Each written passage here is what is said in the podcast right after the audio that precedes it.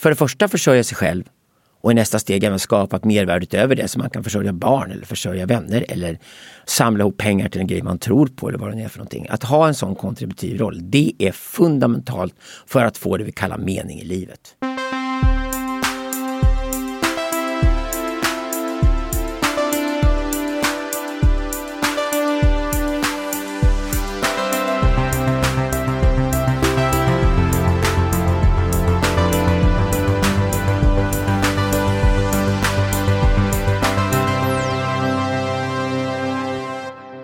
Hej, det här är Christian von Essen och podcasten som heter Heja Framtiden.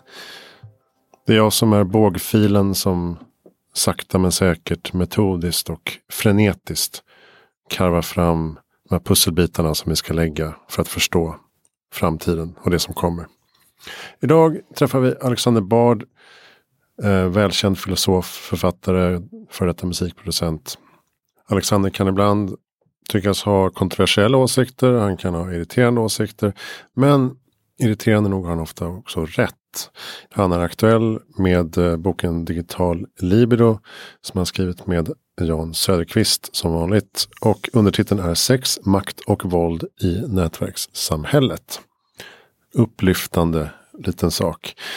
Vi kommer prata om den boken idag. Vi kommer prata om eh, en växande digital underklass. Vi kommer spana framåt till eh, år 2100. Ett samtal som inte kommer att lämna dig oberörd i alla fall. Vi poddar från Helio, GT30, Grevturgatan 30 i Stockholm. Tack snälla Helio. Kontakta dem om du behöver flexibla kontorsplatser i Stockholmsområdet. Helioworks.se. Tack Noden som ger ut Noden-trender. Ett uh, litet trendspaningsmail som kommer varje fredag i inkorgen. Noden.se, där signar du upp. Tack också till Warp Institute som vi samarbetar med och Sveriges mest optimistiska Facebookgrupp. Om du gillar framsteg och framtid och positiva nyheter så gå med i Sveriges mest optimistiska Facebookgrupp. Mig kan du kontakta för olika samarbeten och föreläsningar och moderatorsuppdrag. Jag heter Christian von Essen, finns på christianvonessen.com och hejaframtiden.se. Kontakta mig också på LinkedIn eller Twitter eller Facebook eller vad du vill. Så eh, dricker vi kaffe. Det är gott. Det var allt jag hade att säga för idag. Nu släpper vi fram filosofen Alexander Bard i Heja Framtiden. Varsågoda. Då säger vi hej och välkommen till Heja Framtiden, Alexander Bard. God dag. Är du trött idag? Var det Uppsala igår? Ja, det var Uppsala igår. Det var Heimdal i Uppsala och det var packat i lokalen och det var stor entusiasm och de bjöd på väldigt mycket sprit och sen så blev det väldigt sent.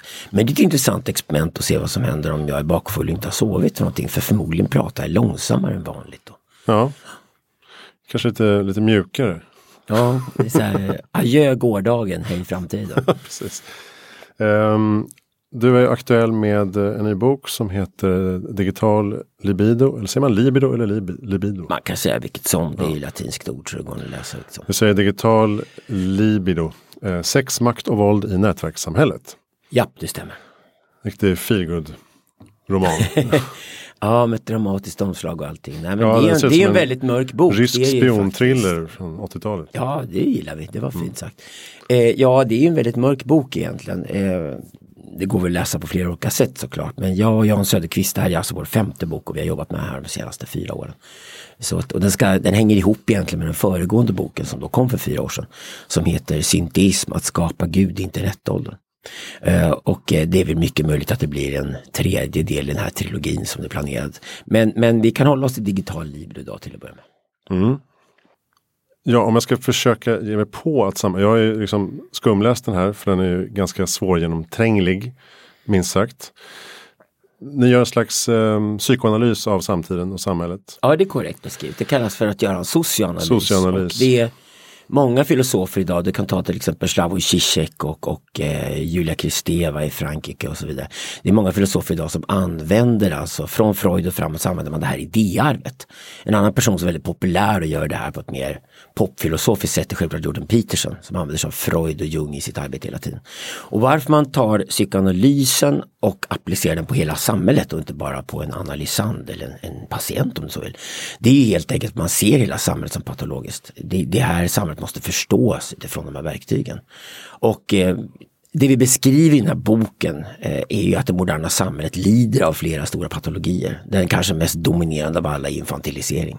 Mm. Och eh, vi förklarar varför det är så. Och det kan ibland vara så att de här stora sprickorna i samhället faktiskt inte är någonting annat än missriktad kärlek eller missriktad välvilja. Det är väldigt vanligt genom historien att det är på det sättet. Men det handlar väldigt mycket om att ha rätt saker på rätt platser. Eh, när, när eh, en viss sak hamnar på fel plats i samhället så kan det ställa till det väldigt, väldigt mycket. Som till exempel förskjutningen av eh, vuxenheten och förlänga barndomen i samhället. Det, det är väldigt, väldigt skadligt på lång sikt. Och väldigt farligt också. Mm.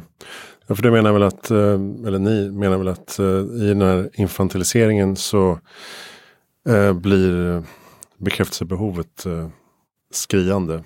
Och Ja, det- det- man alltså- sträcker sig efter Eller vänd på, auktoritära ja, eller vänd figurer. på steken en 23-åring som bara pratar om sig själv hela dagarna och marknadsför sig själv oavbrutet och är alltså väldigt narcissistisk. Är ju en barnunge.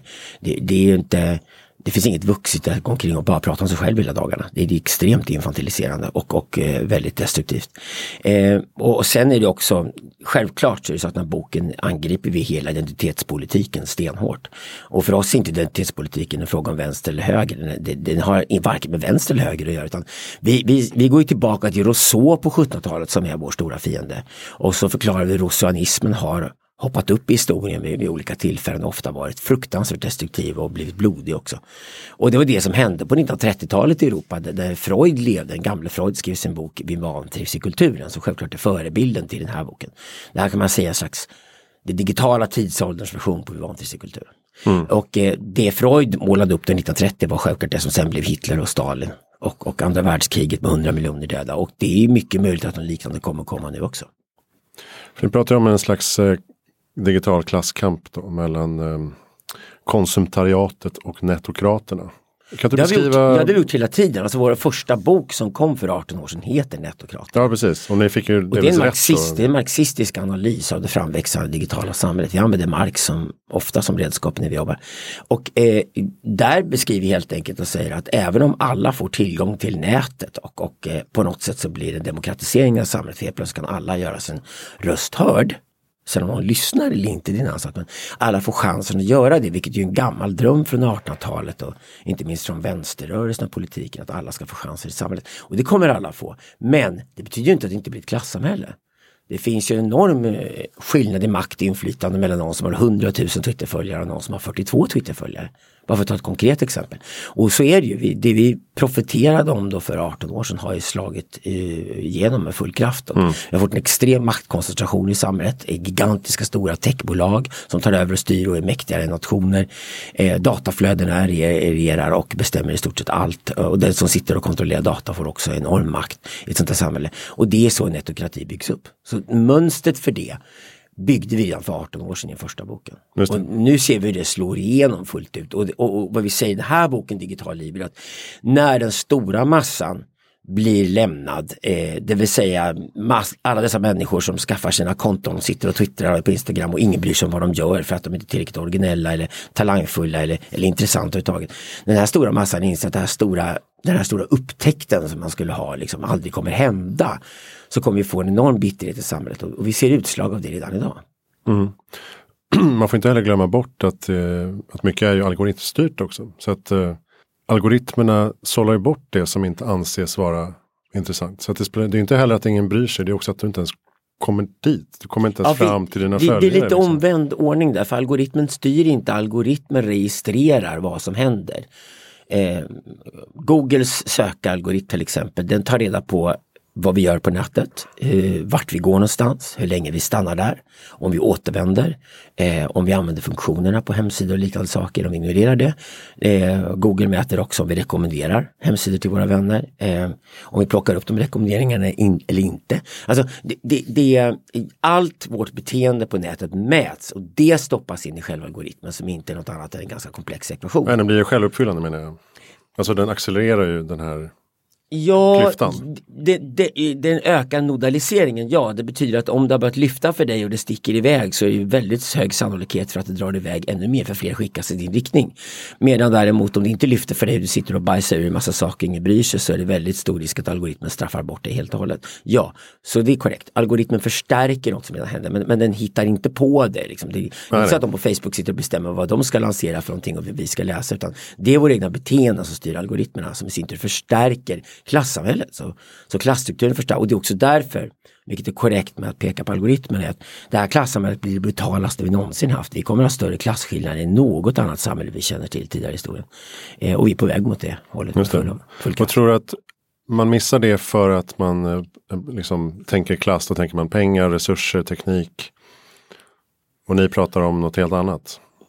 Ja, det klassiska sättet att mäta klass och det är korrekt fortfarande att mäta inkomst och förmögenhet. Och sen kan du koppla till socialt kapital till det, du kan du koppla till utbildningsnivå och grejer. Men, men det spelar egentligen ingen roll för om du har en hög utbildning så ska den generera den här inkomsten och förmögenheten som gör att du eh, står över allting annat. Du kan till exempel använda Marx mot dagens identitetspolitik och då säger du bara helt enkelt så här att eh, en, rik eh, svart lesbian är mäktigare och har mer inflytande i samhället än en fattig vit heterosexuell man.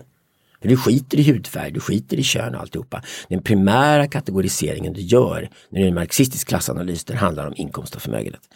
Det vi lade till i vårt arbete för då 20 år sedan när vi började göra så att vi sa att du kan sätta en axel till det här, den kallas attentionsaxeln.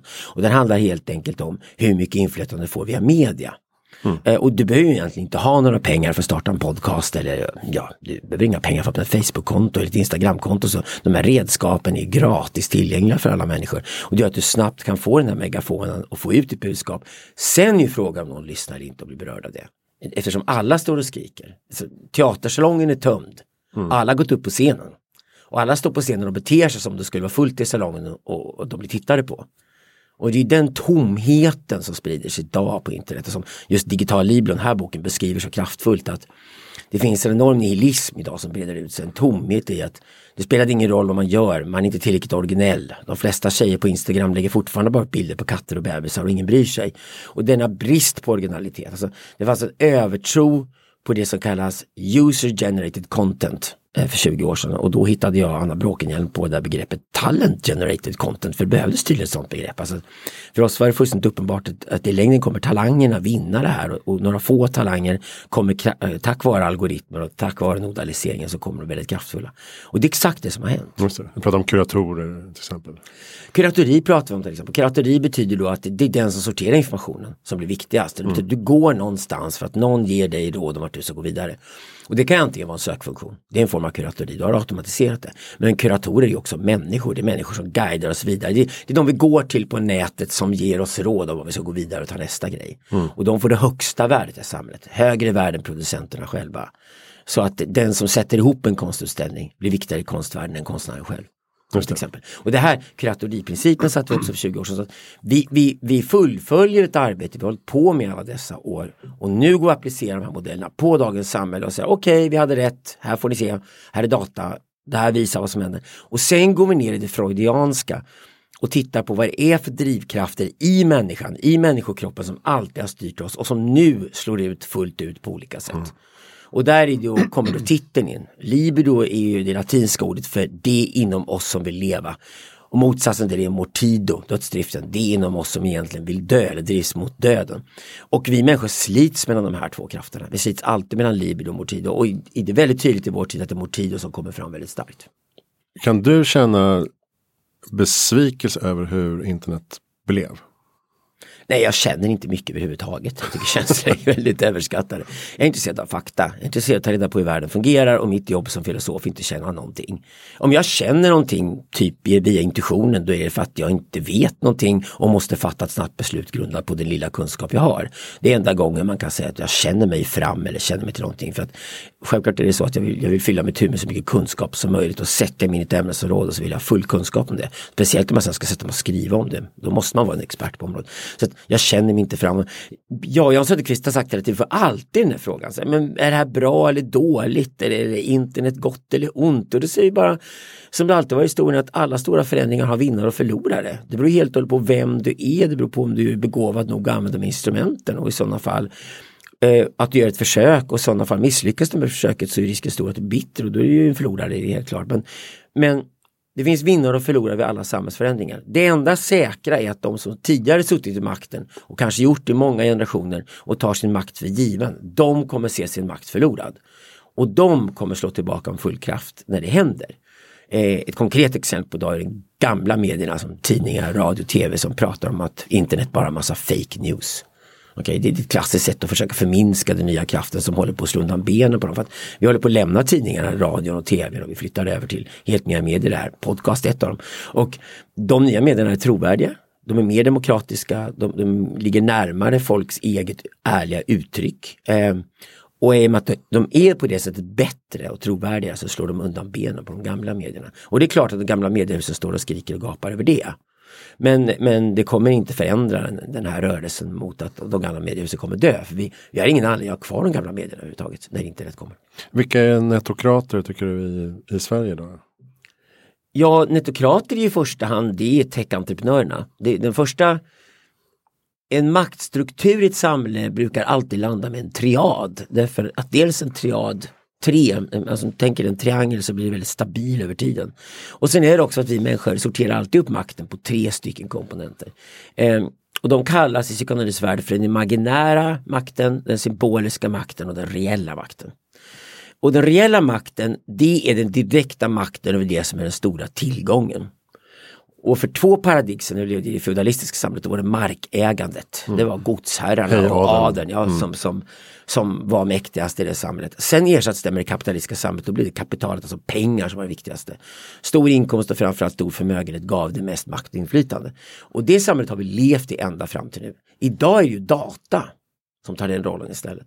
Och data är annorlunda än pengar. Du kan packa ihop data och säkert sälja data till någon för ett visst värde. Men eftersom du inte vet vad det är för data du har redan, du börjar titta på den och samma gång du tittar på den så har du redan tillgång till data. Så det opererar inte alls på det sätt som markägande eller som penningströmmar gör. Utan dataflöden funkar på ett helt annat sätt.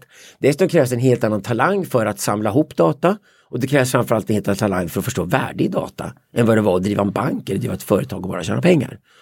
Så att de stora datamolnen idag. Vi har 11 gigantiska datamoln idag. Det är intressant att inget av dem ligger i Europa. Mm. Att förra paradigmet var Europa den framgångsrikaste delen av världen. Kapitalismen byggde egentligen på att vi byggde tryckpressar i Europa på 1450-talet. Så småningom lärde sig hela Europas befolkning läsa och skriva. Vi kunde bygga arméer där soldaterna sköt bättre än vad analfabeter gjorde. Och så småningom hade Europa erövrat hela världen, koloniserat hela världen. Tack vare den enorma den enorma informationsfördel som fanns i en stor läs och skrivkunnig befolkning. Det är nyckeln till Europas framgång egentligen. Det har gjort oss feta och lata, trötta i Europa och ignoranta och så finns det en tro att vi kommer alltid klara oss högst upp i näringskedjan på något sätt. Ehm, och det bevisas ju bara idag att de här stora datamålen som huvudsakligen ligger i USA och Kina. De ligger inte ens på europeiskt territorium, det är inte europeiska entreprenörer som byggt dem. Och här har redan Europa hamnat enormt efter till exempel USA och Kina. Vilket bevisar då att det är inte Europa det stora kommer hända under det här nya paradigmet därför att vi har varit för feta och trötta och för sena på bollen och det fortsätter vi vara här. Mm. Sen har du inom makttriaden, om du har, en, om du har ägandet av tillgången, den reella makten som det första, så har du de andra två polerna i triaden och det är den symboliska makten och den imaginära makten. Och den imaginära makten binder egentligen ihop den symboliska och reella. Den är väldigt enkel. Den imaginära makten är det samhälle du först tänker på när jag säger ordet makt. Ja, förmodligen för en kung. Idag är det typ Donald Trump eller Stefan Löfven och liknande, alltså politiker. Så. Den marginära makten är det vi väljer och stoppar in i parlament eller det diktatorn som styr landet. Det, det ligger ofta den politiska makten eller, eller hovet. Och det, det är den marginära makten. Den i sin tur står mellan den reella makt som sitter på tillgångarna och den symboliska makten. Och den symboliska makten är intressant och viktig här, för det är sanningsproduktionen i ett samhälle.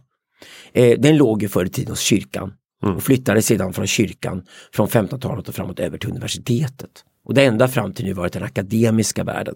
Det vill säga, du doktorerar, du får en professorstitel, du kan sitta i tv-rutan och vara expert på ett område. Och det märker vi hur det håller på att kollapsa idag. Det finns, det finns ingen sektor som står inför så enorm kris som den akademiska världen.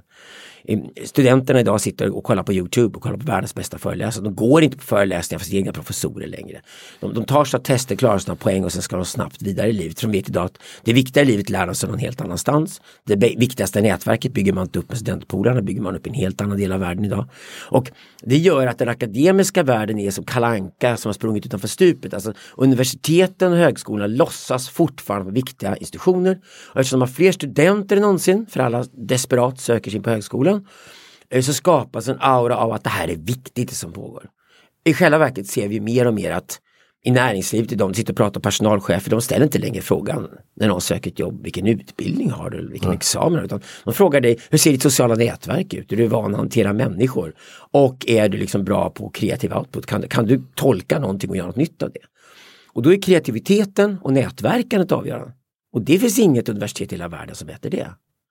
Om det är det du konkurrerar på arbetsmarknaden idag så bevisar ju det att, att lägga tid och energi på en akademisk examen är ofta väldigt bortkastat.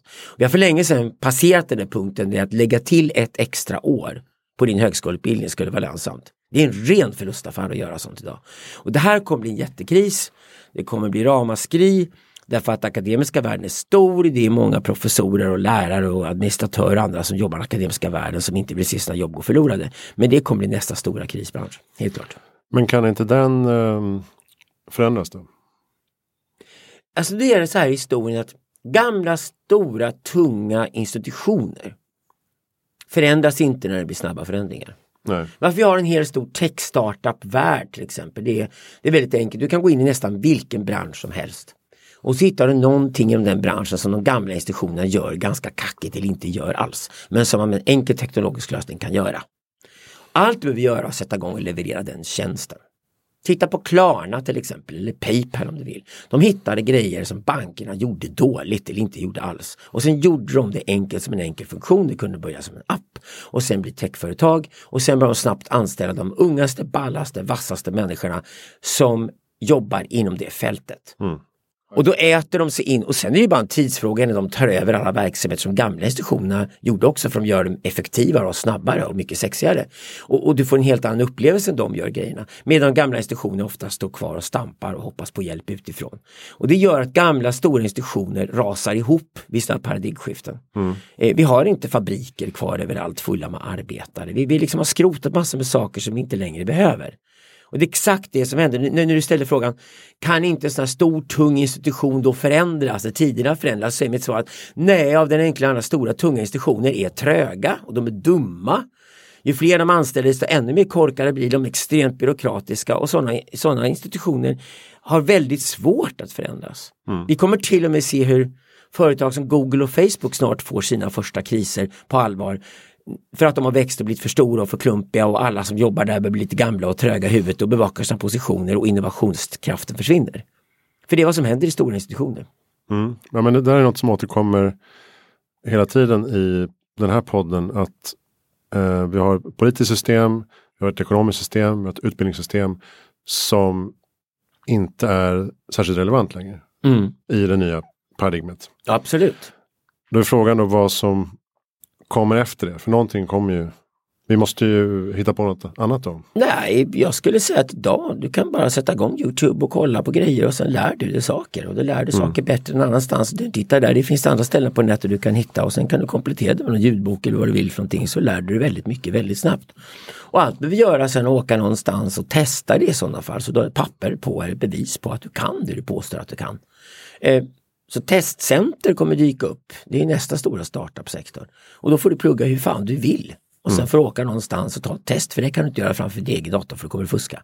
Det enda som egentligen är klämskon den akademiska världen är själva testandet av en förmåga. Och det är ganska lätt att plocka bort det från högskolorna och göra en billig grej av det. Alltså det är en typisk app som säkert kommer komma på alla områden. Och, och, och då, då, dör institutionen en gång för alla för då finns det inget värde kvar alls.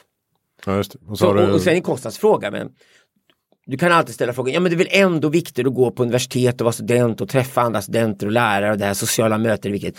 Ja, inte om det då blir väldigt dyrt i förhållande till alternativet det. För om det kostar dig väldigt, väldigt mycket egentligen att gå på ett universitet, till att börja med tar det massor med tid. Och för andra måste du ta massa lån under ett antal år för att plugga universitetet. Då är frågan, är det värt de här pengarna för att få ut det lilla mervärdet av det här fysiska mötet? Nej, är ju svaret då. Det är det inte alls. Mm. Du kan ju skapa miljöer där du träffar minst lika spännande personer där du bara träffar människor helt enkelt. Om du i sådana fall har sådana sociala miljöer istället, då har ju du sista argumentet varför den akademiska världen ska finnas där, då försvinner det med. Och då har den akademiska världen bara ett vapen kvar och det är så att, ja men vi står ändå för sanningen. Och då kom ju problemet och det är ju liksom den här extremt dåliga kvaliteten på akademiskt arbete. Nästan allt som universitet producerar är skit. Liksom. Förutom några få rent vetenskapliga områden som framsteg inom medicin och liknande så händer det egentligen väldigt, väldigt lite på universiteten. De flesta papers som skrivs och doktorsavhandlingar bryr sig tre människor i hela världen om och sen man betar bara av någonting, säger någonting som låter tjusigt, sätter någon titel på det så får man äntligen titel och så låses det här in någonstans och alla skiter i det. Och eftersom outputen från den akademiska världen är så barmligt dålig så betyder det att om du ska ägna åt sanningsproduktion idag och avstämning av påståenden så att du ska kolla fakta och sånt där. Det där är ju oerhört mycket lättare att göra på andra sätt och det är Wikipedia ett utmärkt exempel. Mm. Om man tänker sig då att eh, människans hjärna utvecklas ju knappt alls. Eh, medan samhället och tekniken utvecklas, kanske låter klyschigt, men i exponentiell takt. Ja, idag gör den det definitivt. Alltså, de, de sista 5000 åren, det vi kallar civilisationen i Sverige, det är kanske 200 år, men säg de sista 15 åren har vi haft någon form av civilisation på den här planeten och människor har varit bofasta och kunnat skriva och uttrycka sig. Så, så har våra gener inte förändrats alls. Vi kan ha ambitionen att vi ska föda barn som smartare än oss själva men sen går vi och ligger med helt fel person i fyllan i alla fall och föder dumma ungar ändå. Så det, det, mänskligheten utvecklas inte, vår hjärna blir inte större, den har snarare skrumpnat upp och blivit mindre de sista 15 åren. Då, men teknologin förändras. Precis, och då blir min fråga, hur ska vi förändra oss för att anpassa oss till det nya paradigmskiftet? Thomas Björkman till exempel pratar om mental mognad, att vi måste liksom hitta vår inre kompass på något sätt. Uh, hur ser ja, du på det? det? Vad är nej, liksom jag, lösningen? Thomas framåt? säger det och han kanske behöver säga till sin målgrupp men för, det, för mig är det för ett ytligt svar. För att det riktiga svaret ligger hos en stor kanadensisk informationsteoretiker som var verksam i 90-talet som heter Marshall McLuhan. Jag jobbar faktiskt med hans söner idag. Eh, men, men Marshall McLuhan skrev på 60-talet en serie böcker ehm, och blev känd för det här begreppet the medium is the message. Mm. Och vad han menar med det var egentligen väldigt nietzscheansk syn på världen. Alltså det är Nietzsche och Heidegger som ligger i botten för McLuhans arbete. Och hos Nietzsche och Heidegger har en enorm respekt för att de redskap vi använder omkring oss bestämmer egentligen hur vi tänker. Så det är interaktionen mellan mig och Twitter och vad är Twitter då? Ja det ska vara slagkraftigt för det är kort meddelande och ska många meddelanden ska skickas och poängen är att andra ska tända på det jag säger och retweetar och så vidare. Så mediet i sig har vissa inbyggda incitament som då uppmuntras och därför använder man ett kraftfullt, mustigt, provocerande språk på Twitter för annars får man ingen reaktion. Kul, rappt, smart. Ja, kul, rappt, smart och gärna grovt. Okay. Mm. Då är det så Twitter fungerar. Det liksom lönar sig inte att dagens kyktanter sitter i Sveriges Radio och beklagar sig över att folk använder fula ord på Twitter. Det är, det är som gamla kyktanter satt och sa att på dansbanan nerför gatan här så svär de på lördagskvällarna och det är jätteupprörande för mina öron ramlar av när jag hör svärorden. Det är det vi är tillbaka till igen idag. Alla diskussioner om tonalitet och etikett är trams det är bara småborgerligt trams. Vi, borde diskutera mycket viktigare saker i samhället som substans och sådana grejer. Men det är typiskt vår tid att man hakar upp sig på sådana här pseudodebatter och etikettdiskussioner därför att man inte kan eller vågar ta tur med de riktigt allvarliga frågorna i vår tid.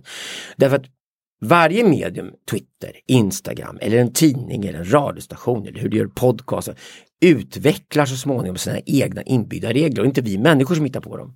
Utan de ligger i formatet i sig. Och det formatet erbjuder vissa möjligheter och när någon upptäcker de möjligheterna så kommer det vara den som blir den stjärnan i det mediet. Så jag skulle säga så här att om man är intelligent idag så sätter man sig ner och tittar på sin smartphone och frågar smartphonen vad vill du mig?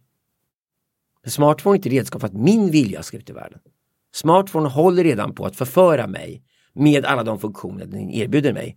Och vi är ganska nära den punkt nu där smartphonen kommer att tala om för oss när vi vaknar på morgonen vad vi vill göra och vi kan göra. Mm. Och sen kommer den redan ha bokat det livet åt oss och vi kommer bara gå och göra det. Alltså, för några år sedan fick vi 20 restauranger här på Grev i Östermalm där vi satte på Google Maps. Och nu får vi kanske fem. Därför att Google Maps har redan, tack vare att de vet vem du är, hur gammal du är, vad du har för intressen och vad andra personer som liknar dig är intresserade av, så kan de sortera bort 15 restaurangerna för att de antingen är i fel prisbild eller du kommer aldrig vara intresserad mm. av att gå dit. Och så vidare. Eh, Google vet om du äter kött eller grönsaker. Liksom. Och, då, och mm. Då kan lika gärna Google idag erbjuda oss en enda restaurang på en gång. Där bordet är bokat och klart. Och vi bara går dit. Därför att Google Bamboo vet Garden. bättre än vad vi själva vet vilken restaurang vi vill gå till. Och det är dit vi är på väg nu. Och det betyder att smartphonen har redan idag förfört oss tack vare att den vet allt om oss och har alla data om oss. Så kommer smartphonen att tala om för oss hur vi ska leva våra liv. Vi, vi är snabbt på väg dit.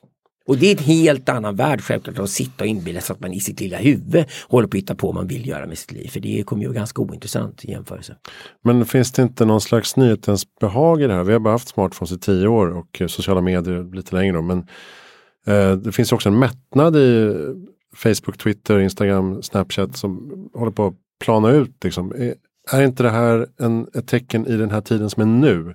Kommer, vi liksom, kommer det verkligen accelerera eller kommer vi att jag tycker man redan nu ser att folk skiter i det där och liksom Nej det stämmer inte alls. Kör sin egen väg. Ja vi lämnar Facebook för Facebook är så jävla dåligt för att de inte har en jävla fucking customer service. Det, alltså det företaget så illa skött så liknar ingenting. De tappar en miljon användare i USA per månad just nu. Och det är en välförtjänt kris men det öppnar bara för andra. Då kommer andra komma in och ta den arenan därför att Gå tillbaka till tryckpressen kom 1450. Det kostade en och en halv miljoner spänn att handskriva en bok. 1449 i dagens penningvärde. Och när tryckpressen väl hade kommit så dröjde det kanske hundra år. Runt 1550 kostade det 3 kronor att göra en bok och det tar några minuter snarare än några år. Då kom betydligt fler böcker i omlopp. Och så började man högläsa för varandra för man trodde det var svårt att skulle lära sig läsa. Så då fick de gamla munkarna som man skrev böcker jobb istället som att sitta och läsa upp böcker för folk i ytterligare hundra år till. Tills folk upptäckte att de kunde läsa själva. Och när de kunde läsa själva och lärde sig läsa och förstod att det var inte så svårt som man hade trott så kom de på att då kanske man kan skriva. Och så började en väldigt massa människor skriva böcker. Redan på 1700-talet fick vi en peak på bokutgivning i Europa. Och under hela den här perioden så hade man gång på gång folk som sa Nej men vi tröttar nu på att läsa böcker. Det kommer inte. Nej, nu ska vi göra något annat. men läsa böcker, det är bara ett mode. Jaha. Sen uppfann vi dagstidningen på 1700-talet. Då behöver vi läsa en bok varje morgon full med skvaller. Sen uppfann vi veckotidningen däremellan så att vi fick en gång i veckan mera skvaller. Då behövde vi köpa veckotidningar också så fyllde den ut ännu mer av vår tid. Och sen kom någon på att vi kan ju bygga en bok som innehåller all världens kunskap så har vi all världens kunskap på ett ställe och så fick vi encyklopedin eller uppslagsverket på 1700-talet i Frankrike. Där allting från A till Ö fanns i en enda bok och det var ju så kraftfullt så att vi kunde inte slita oss den här boken för vi visste med en gång att alla som sitter och läser den här boken kommer bli de mäktigaste människorna i världen. För de kommer ha koll på saker. Nej, vi slutade inte läsa böcker. Det var inte ett mode. Det är inte ett mode att använda medier. Det är inte ett mode att kommunicera. Nej, nej, det är vad människor håller på med hela tiden. Av... Nej, det är ju bara att en plattform har levt klart sitt liv för att det kommer något nytt intelligentare alternativ som vi har ett större mervärde ur. Och, och eh, sen kommer vissa saker att leva kvar. Två grejer som har levt kvar väldigt tydligt och har en starkare roll än någonsin. Det är mobilnumret och mejlkontot. Och det beror på att du måste också ha några sammanfogande kedjor någonstans. Överallt jag hör att Snapchat skulle bli en stor grej bara för att tonåringar använder Snapchat och sen skulle det bli nästa stora plattform. Till, vad är Snapchat för någonting? Det är bara tonåringar som vill kunna skicka nakenbilder till varandra och då måste bilden upplösas omgående. Alltså kan det inte vara en bild som lagras på telefonen. Det är det Snapchat är i stort sett med lite klotter runt omkring. Och det ser man en gång att Snapchat är skitstort. 17 års ålder pikare och efter 23 års ålder använder ingen Snapchat längre. Då stendör det. Varför det? För 23 års ålder går du antingen på en högre utbildning eller du är tvungen att söka ett fast jobb. Och på en arbetsplats har du ingen nytta av Snapchat alls, det är bara en irritation. I Norge och då får använder... alla lära sig mejla ändå. Liksom. I Norge använder alla Snapchat?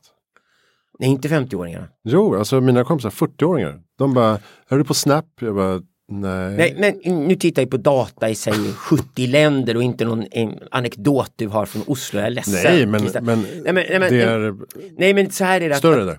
Nej, men det är samma sak som att köra Tesla. Alltså, det, ingen under 50 års ålder köper en Tesla.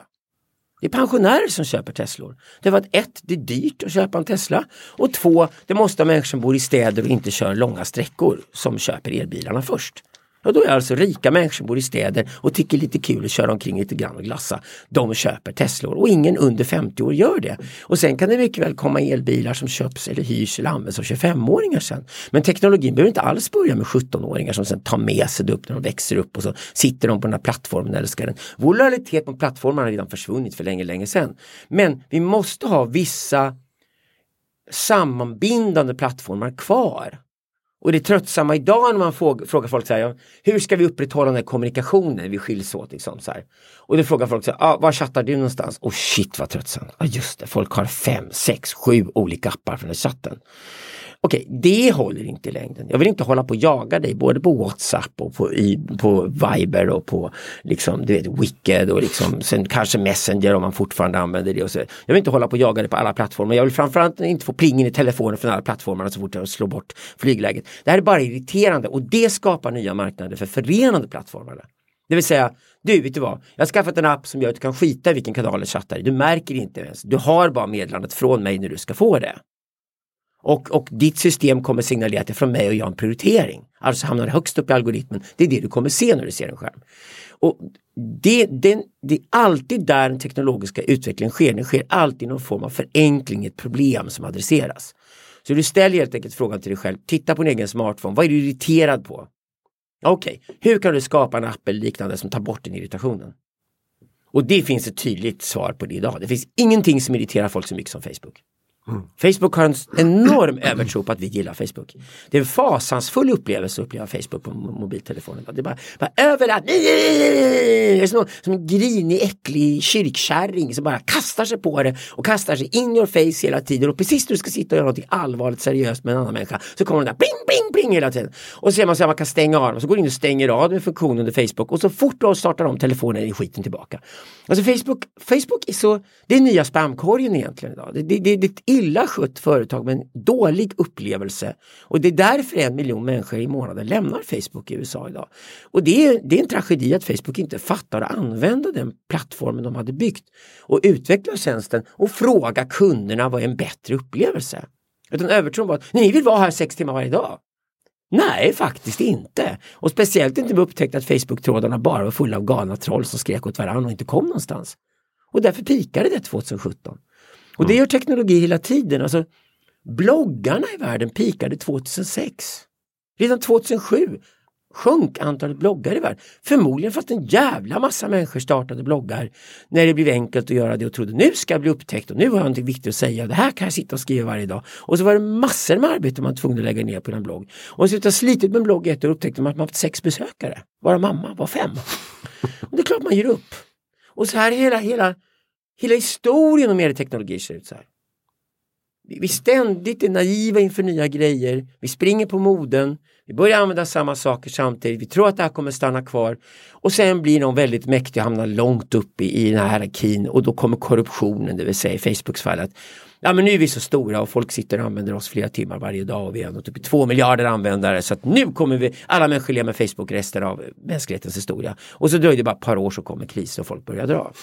Och så här har det sett ut hela tiden. Så det, det kommer vara igen. Men vi lämnar inte det digitala.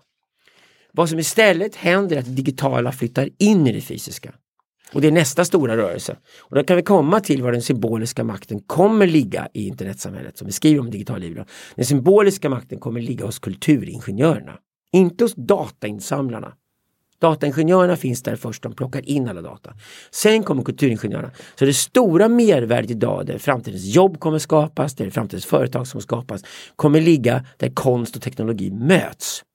Därför att om du förstår mänsklig psykologi och interaktion mellan människor och du förstår kreativitet, vilket är vad konst ytterst handlar om, och ser det som ett lager du måste lägga om på teknologin, då har du nästa stora generationutveckling. Och, och, och det kommer inte ske på Google. Google är bara matematiker. Det är stort sett vad de har anställt. De har inga konstnärer som jobbar där. Så Google kan i bästa fall tillhandahålla data som andra skapar värden ur.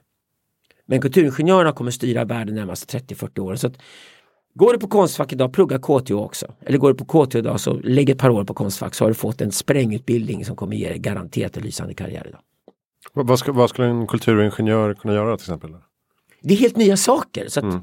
Det enda vi ser är bara att här möts två saker där ett mervärde skapas. Därför att Säg att du sitter med ett stort datamoln framför dig. Datamolnet kan automatiseras på så sätt att vi kan leta efter anomalier i dataflöden.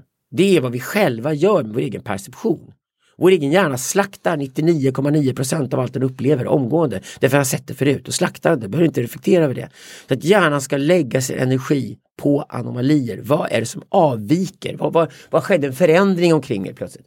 Och så funkar sensorer, så funkar tv-rutor, så funkar skärmar också. Vi bygger teknologi utifrån att all energi ska läggas på det som avviker, det för det är det enda som är intressant, för resten vet vi så säga redan om. Den informationen finns redan där. Vad finns det nya informationen? Och det kan du bygga en algoritm omkring. Du kan sortera genom enorma datamängder och, och ta det fram. Det gör du själv när du söker på nätet. Det är vad som sker. Så att du hittar avvikningen. Och mm. den kan du gå på i sådana fall och kolla, finns den där? Och en avvikelse är förmodligen bara en avvikelse. Dyker upp två avvikelser som påminner om varandra, då sätter du på larmknappen. Då bör du kolla riktigt noga. För det är en signal om att här kan det vara någonting på gång som verkar förändra spelreglerna. Dyker upp tre stycken avvikelser i ett dataflöde som i sin tur hänger ihop. Då är det dags att bygga en helt ny modell. Och det ligger förmodligen i de här avvikelserna. Det är de som pekar vart det ska gå vidare. Så här jobbar man till exempel på modernt säkerhetsföretag. Om du jobbar med datasäkerhet idag i storskalig sån så bygger du inte en dum brandvägg längre. Varför ska du bygga en betongvägg för? Det är idiotiskt, då vet du inte alls vem som vill avlyssna dig eller vem som vill spionera på dig. Du känner inte till fienden. Vad du gör är att du bygger en träskmark. Och så går fienden rakt in i träskmarken och vet inte om att den är avlyssnad och betraktad av dig. Och då vet du vem fienden är och du vet vad fienden gör.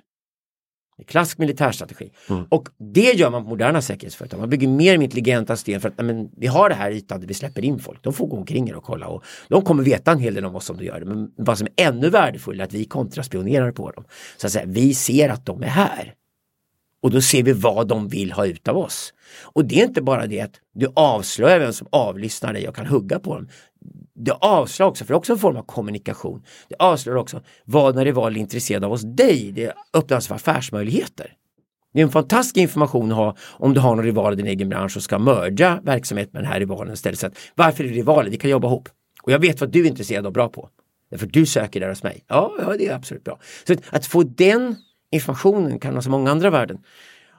Det görs genom algoritmerna. Men ovanpå det är det en sak kvar och det är hur ska du sen när du ser anomalierna och ser det nya mönstret, hur ska du kunna sätta ett värde på det och göra någonting av det? Det gör kulturingenjören. Det, det krävs en ingenjör som går på operahus som förstår kultur för det. Och där kommer det explodera. Där kommer nästa stora revolution ligga helt klart.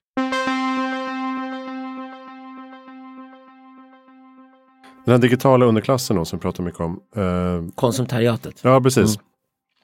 Som ju består av, ska man hårdra det så är det ju lågutbildade män och eh, det är mest män. Mm. Ja, mest män. Och, och, ni menar ju att eh, IS och eh, internet, internettrollen, det är, sam, det är samma...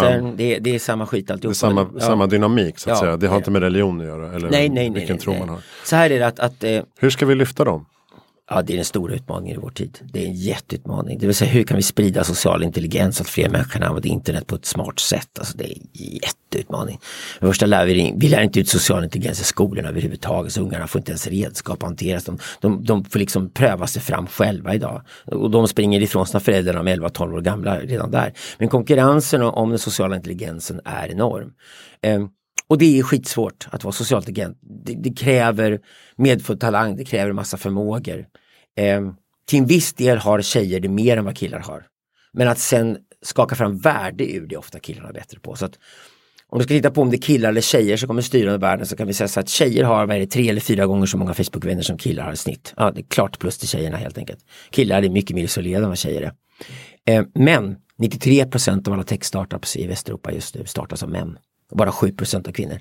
Det här tyder på att män har i alla fall än så länge, mycket större förkärlek för liksom det ingenjörsvetenskapliga och där ligger det entreprenöriella. Då. Men de sociala och kommunikativa tjejerna är överlägsna. Så att på ett bra modernt företag idag så är det väldigt ofta en tjej eller tjejer som är projektledare och kommunikationschefer. Men när det sitter på innovationen, det vill säga vision, strategi, innovation, så är det killarna som dominerar det rummet. Eh, och där någonstans har jag inget problem med det alls, för får vi både patriarkat och matriarkat för starka kvinnliga och manliga maktstrukturer, då kommer alla få chansen. Då slipper vi allt tjafs om jämlikhet och sånt där. Men vi kommer nog se att män och kvinnor utvecklar olika talanger. Men det blir då längst ner i botten mansdominerad ny underklass. Och de sitter också på nätet som alla andra 7-8 timmar varje dag. Men det de ägnar sig åt på nätet idag är väldigt mycket porrunkande, eh, det är väldigt mycket dataspel och då är det dataspel med sig själv, för det är få som vill spela med dem. Och Sen spelar de bort sina pengar på olika spelbolag och sånt där. Det är alltså destruktiva, ganska meningslösa aktiviteter som bara dödar tid och de kommer ingenstans i livet.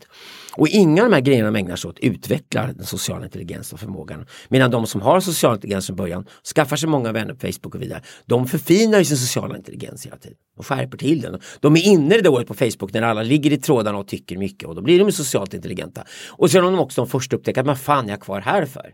Nu är det här över, nu är det bara trollen kvar. Alla vettiga människor är dragit härifrån. Då sticker jag. Och det är också en form av social intelligens att förstå när man ska vara någonstans och när man ska åka därifrån. Mm. Så du disponerar din tid helt enkelt. Det har också med social intelligens att göra. Och de som hamnar efter det här samhället, ja vad fan gör vi med dem? Förr så gav vi dem liksom bok och lärde dem hjälpligt läsa, skriva, räkna och satte dem på ett jobb i en fabrik åtminstone. Det fanns sådana saker man kunde göra med alla människor. Alla, alla kunde ha en kontributiv roll och få ett jobb och sådana saker i samhället. Det är inte säkert att det blir så. Vi kan liksom inte bara ha massor med taxichaufförer och lokalvårdare. Eh, det finns en gräns där vi inte kan kratta mer löv också. Och då blir väldigt många, även de här enklaste tjänsteyrkena, liksom blir, blir för många som söker till. Och vi, har, vi har inget svar på det. Jag att den nya underklassen finns där för att ett, den ignoreras och två, för att det är så vansinnigt svårt att hjälpa den. Vi kan inte sitta i timmar varje dag, person per person, och lära sociala förlorare hur de ska försöka bli sociala vinnare. Därför att de sociala vinnarna sliter alla i. Det är de, alla, all, det är de nya makthavarna. De har fullt upp med att fortsätta vara sociala vinnare och vinna ännu mer. Och de kan liksom inte sätta sig plötsligt med någon förlorare och försöka lära varje enskild förlorare hur man ska bete sig för att vara en vinnare. För förlorarna är så många fler. Och det är egentligen problematiken med alla klassamhällen. Ska vara det enda man kan säga, och det gör vi som filosofer, man kan peka ut att det här problemet finns. Och på 1800-talet som var förra gången vi faktiskt gjorde något storartat i samhället. Vi, messianska tidsåldern är bra, det vill säga att när vi går ut och ska förbättra samhället på allvar, tror vi kan göra det. Och på 1800-talet förenades egentligen marxister, liberaler och konservativa runt idén om att vi kan sprida bildning i samhället. Sverige är ett av de första länderna i världen som införde en obligatorisk allmän eh, utbildning för alla. Så vi satte dem i folkskolan och vi kom på att om alla barn får lära sig läsa, skriva och räkna vinner alla på det. Och det är något liknande som kommer krävas idag. Det finns en dansk filosof, en kvinna som heter Lene Andersen som är skitbra. Hon jobbar bland annat med Thomas Björkman. Ja, hon är jättesmart, Lene är jättebra.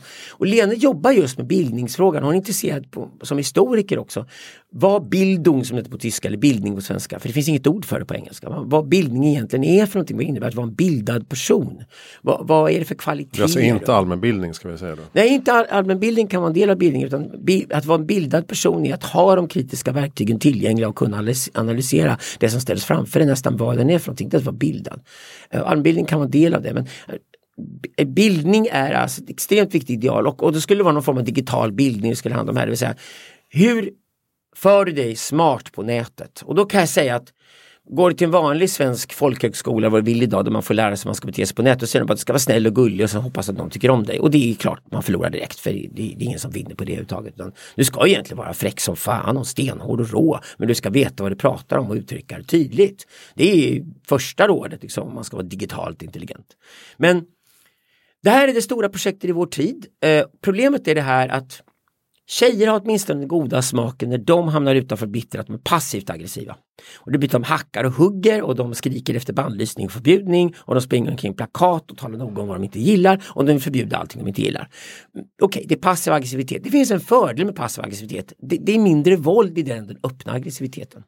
Och det unga män tenderar att göra att växla över istället till öppen aggressivitet när de är förbannade. Och då betyder det att vad vi gör i digital Libra, vi tittar till exempel på islamismen och så tittar på Mellanöstern och ser varför hände den där? Och varför kom den plötsligt på 1970-talet? Jo, det är stora oljeekonomier. Oljan var som en enda stor tutte som pumpade liksom bröstmjölk genom systemet utan att det fanns någon korrelerande ansträngning. Sådana system är livsfarliga för människor. Vill ni studera vad som händer när man inför medborgarlön i ett samhälle ska ni åka till Saudiarabien och se alla feta trötta människor går omkring där och inte jobbar för det är vad som kommer hända. Medborgarlön är en katastrof tror jag för mänskligheten. Det finns sedan experiment på det, Saudiarabien är ett av dem, det visar att det inte funkar. Så vad som händer sen då i Mellanöstern från 70-talet framåt är att oljeekonomierna utbildar då väldigt snabbt framför allt väldigt många unga män och ger dem avancerade utbildningar på väldigt dyrbara universitet. Och sen när de här männen kommer ut då i näringslivet och ska få jobb då finns det inga jobb där och då försöker de kanske starta företag och vara innovativa. Och då åker du till Egypten och så upptäcker du att det tar 80 år att starta ett företag. Alltså byråkratierna är sådana mardrömsvidriga. För det enda som har hänt med oljeekonomin är att deras föräldrar har anställts som statstjänstemän. Där de sitter och rullar tummar och hittar på problem. Det är vad som händer i korrupta system där det finns en stor råvarutillgång som pumpar in resurser i systemet. Hela systemet korrumperas. För det finns inte någon korrelation längre mellan mänsklig ansträngning och belöning. Och är det så att en ung kille och du har lagt en jävla tid på utbildad ingenjör och du bor i Tunisien och det finns inte helvetes chans att du får ett jobb eller kan starta ett företag när du är klar. Vad gör du då? Du startar terrorsekter. Alltså det är givet att du gör det. Och det, det, hände i Europa på 1800-talet. Det hade fullt upp i Europa på 1800-talet med anarkistsekter som sprängde bomber överallt med högfärdiga unga män som var bittra på livet och smällde till med sitt våld. Och, och det här är vad män gör, unga män gör när de är, hamnar utanför. Och speciellt unga män som är hyfsat intelligenta och har ansträngt sig hårt och tycker att de ska fan nu få en belöning för det. När de inte kommer fram och får sin belöning, då smäller det. Så vad vi kommer se helt enkelt Nordamerika och Europa det förutspår Göran Söderqvist att vi kommer hitta många unga män som är väldigt förbannade. Och sen kanske de kallar sig nazister. Eller de kanske kallar sig uh, Antifa. Det annat spelar egentligen ingen roll. De går med i någon sekt av något slag som tror väldigt mycket att den vet hur världen ska se ut. Och som ser massor med fel i samhället och har massor med konspirationer. Eh, eh ser massa konspirationer i samhället och läser in dem och sen är det ju bara en tidsfråga när de här snubbarna träffar varandra på nätet. Och sen börjar de byta bombrecept med varandra och sen började de sätta med bomberna på billiga drönare som tillverkade i Kina och så skickade de in den här drönaren i bostadsområdet så började det smälla. Det har vi kommer se de närmaste 50 åren, helt klart. Alltså en Um, mot, alltså school shootings fast uh, School shootings är det redan idag. Ja. School shootings är redan idag det första exemplet på det våld vi pratar om i boken. Så när digitala blir lite sex, makt och våld i nätverkssamhället så är det precis school shootings som menar. Och det läskiga med school shootings är att de är så vanliga att vi knappt reagerar för dem längre. Mm. Vi bara kalkylerar med att ah, det är väl snart 20 risk att min unge dör för 17 års ålder och blir ihjälskjuten på skolgården. Alltså vi är redan på väg dit nu. Vi är så vana vid det nu, speciellt i USA är man så van vid det att, att det blir en del av vardagen. Det är skrämmande, det äter sig in helt enkelt. Och det var det här den här mikroterrorn överallt i vardagen kommer göra med oss också de närmaste 50 åren. Och sen har vi det att vi tvingar ihop massa människor som knappt känner varandra, de lever nära varandra och då kommer det smälla ännu mer. Ja, härligt. ja, det blir mycket action i alla fall. Men, eh, och det här är ett annat framtidsyrke, eh, förutom kulturingenjör, och det är terapeuten. Mm. Mm. Ordningsvakter och terapeuter kommer att ha mycket att göra. Precis, man pratar ofta om eh, liksom, att finna mål, mening, syfte. Och det kommer bli kanske svårare och svårare då i och med att arbetet blir sekundärt nästan. Ja, det är ingen idé att prata om arbete, vi pratar om kontribution istället. Mm. Det är ett bra latinskt ord som vi behöver på svenska för vi kan inte använda ordet bidrag längre. För ordet bidrag är ju förstört av alla jävla socialbidrag och bostadsbidrag. Så att vi, när vi hör ordet bidrag tänker vi att staten slänger fram en tutt och ger oss bröstmjölk ungefär. Va? Och det är motsatsen vi pratar om. Så därför är kontribution ett bra nytt ord att använda i svenska språket. Idag. Contributive role på engelska, kontributiv roll. Och att vara kontributiv innebär att jag har tagit mitt ansvar, jag är inte längre en barnunge, jag blir vuxen och som vuxen deltar jag i samhället och ger ett mervärde.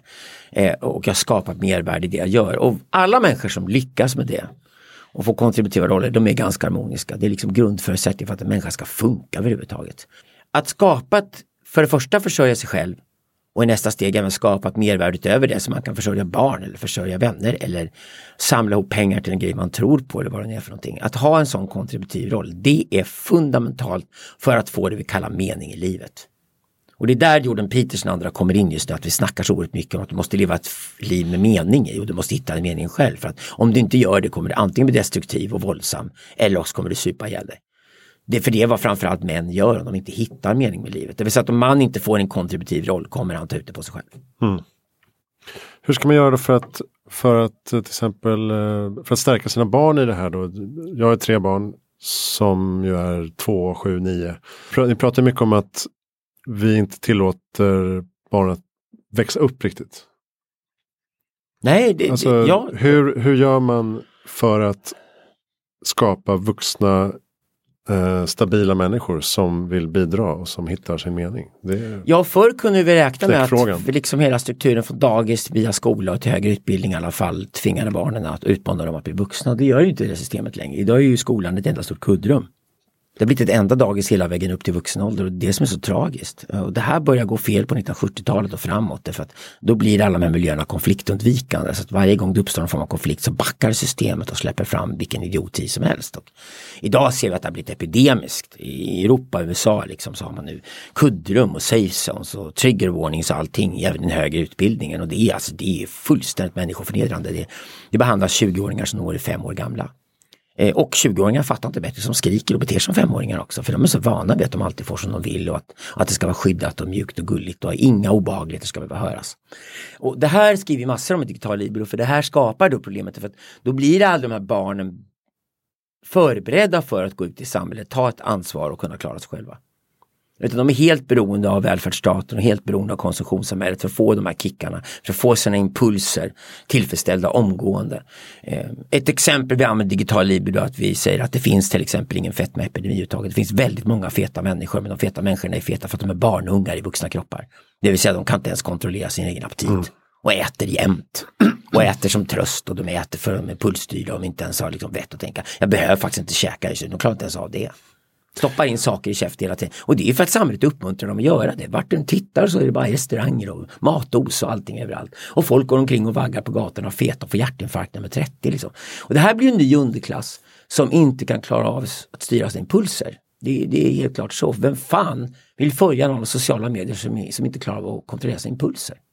Den tråkigaste människan av alla. Däremot vill, vill alla följa den som kan kontrollera sin impuls. Jag lyckades med det här. Jag satte upp den här utmaningen. Jag tränade stenhårt. Jag åt rätt saker. Jag, jag tog reda på var grejer kommer ifrån så att jag kunde leva liksom ett etiskt liv eller vad jag vill. Alla sådana berättelser blir skitstora. Och de som berättar om berättelser trovärdigt får jättemånga följare. För det är vad alla letar efter. Och det, det här är meningsskapande berättelser. Hur skapade du mening i ditt liv? Det blir intressant. Om du är min storebror du har levt före mig, du går några före mig och du har lyckats skapa mig så intresserad av att höra din berättelse du gjorde det och sen imiterar jag det, jag kopierar det, jag imiterar din berättelse. Jag är min variant av den berättelsen så ska jag få mening i mitt liv. Och den sortens kunskapsspridning är, blir skitstor nu, självklart. Mm. Där vi försöker orientera oss tillbaka till det vuxna som vi inte får från skolan och inte får från föräldrar som vill vara våra kompisar. Och leker Nej, det med oss hela barndomen. För det är, så, det är så, svårt för föräldrar också eftersom vi inte vet vad de ska jobba med. Vi vet inte vad de ska plugga, om de ska plugga. Vi har väldigt få svar. Nej men det är intressant att prata med ungarna självklart. Jag är själv onkel och gudfar och dessutom har jag mentorskap och forskar om 25-åringar som sitter med hela dagarna och det är superspännande för att jag vill veta hur de tänker och sen är mitt jobb att varför de tänker så när de inte själva ser det. Eh, och, och det är bara att ta med sig nyfikenhet. Jag förutsätter att familjer har liksom dialog hemma och man sitter och pratar om vad man gör för någonting.